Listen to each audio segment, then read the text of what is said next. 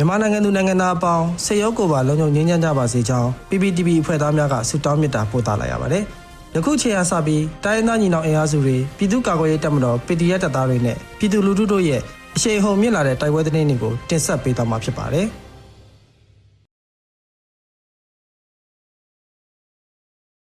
ပထမအဦးဆုံးအနေနဲ့ KNL တပ်ဖွဲ့ရဲ့စနိုက်ပါလက်ချက်ဖြင့်စစ်ကောင်စီဒုတက်ရင်မှုတေဆုံးတဲ့သတင်းတင်ဆက်ပါမယ်။ မွန်ပြည်နယ်တထုံခရိုင် KNU တပ်မဟာ1အပိုင်းထဲမှာစစ်ကောင်စီတပ်စခန်းအခြေစိုက်တဲ့ဝီယော်တပ်စခန်းကို KNL တပ်ရင်းနှစ်လက်အောက်ခံတပ်ဖွဲ့ကနေမေ30ရက်နေ့နေ့လယ်ဘက်မှာစနိုက်ပါဖြင့်တွားရောက်ပစ်ခတ်ခဲ့ရာစစ်ကောင်စီတပ်ဘက်ကနေဒုတက်ရင်မှုတူတေဆုံးသွားတယ်လို့ KNL အမှတ်နှစ်တက်ရင်မှုကတန်လွင် press ကိုအတည်ပြုပြောဆိုပါတယ်။မေ29ရက်နေ့မှာလဲအမှတ်6ချီမြန်တရင်ကစစ်ကောင်စီတပ်နဲ့နေကြားဆောင် BGF ပူးပေါင်းတပ်ဖွဲ့တွေဟာ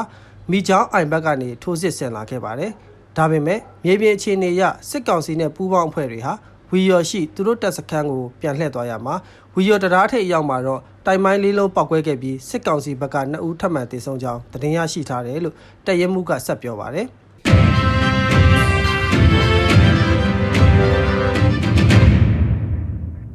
ပလဲကံကောလမ်းမပေါ်တွင်စစ်ရင်တန်းမိုင်းဆွဲတိုက်ခိုက်ခံရမှုစစ်ကားလေးစီးပျက်စီးပြီး PDF တအူးကြဆုံးတဲ့သတင်းတင်ဆက်ပါမယ်။ စကိုင်းတိုင်းရင်းမပင်ခရိုင်ပလဲကံကောကားလမ်းမပေါ်တွင်မေလ29ရက်နေ့နနက်9:00နာရီအချိန်ခန့်တွင်စစ်ကောင်စီ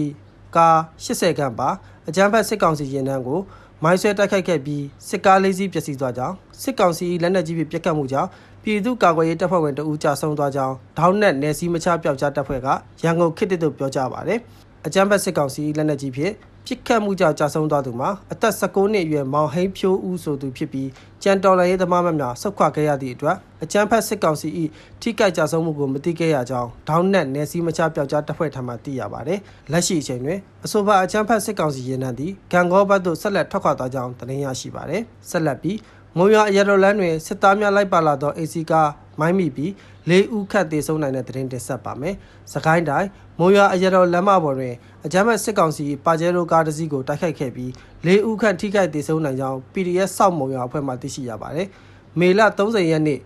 9:00နာရီခွဲခန့်ကမုံရွာအရတော်လမ်းမကြီးမြမမန်နိုင်စီဆိုင်နေတွင် အကြမ်းဖက်စစ်ကောင်စီတပ်ဖွဲ့ဝင်9ဦးခန့်လိုက်ပါစီးမင်းလာသောပါဂျေရိုကအားမဟာမိတ်လေးဘက်ကမိုင်းခွဲတိုက်ခိုက်ခဲ့ခြင်းဖြစ်ပါတယ်။မိုင်းခွဲတိုက်ခိုက်လိုက်မှုကြောင့်စစ်ကောင်စီတပ်ဖွဲ့ဝင်များလိုက်ပါလာသော AC ကထိုးရသွားပြီးစစ်သားများကားပေါ်မှဆင်း၍ဘေးပတ်ဝန်းကျင်သို့ရန်တပ်ပစ်ခတ်ခဲ့ကြောင်းပြည်သူ့ရဲဘော်များကလက်နက်ဖြင့်ပြန်လည်ပစ်ခတ်ခဲ့တဲ့ပြင်စစ်သားများထွက်ပြေးမောင်းပြေးသွားကြကြောင်းတိုက်ခိုက်မှုကြောင့်အကြမ်းဖက်စစ်သား၄ဦးခန့်ထိခိုက်ဒေဆုံးနိုင်ပြီးအဖွဲ့၄ဘွဲ့လုံးမှာရဲဘော်များအားလုံးထိခိုက်မှုလုံးဝမရှိခဲ့ကြောင်း PDF မဟာမိတ်များထံမှသိရှိရပါတယ်။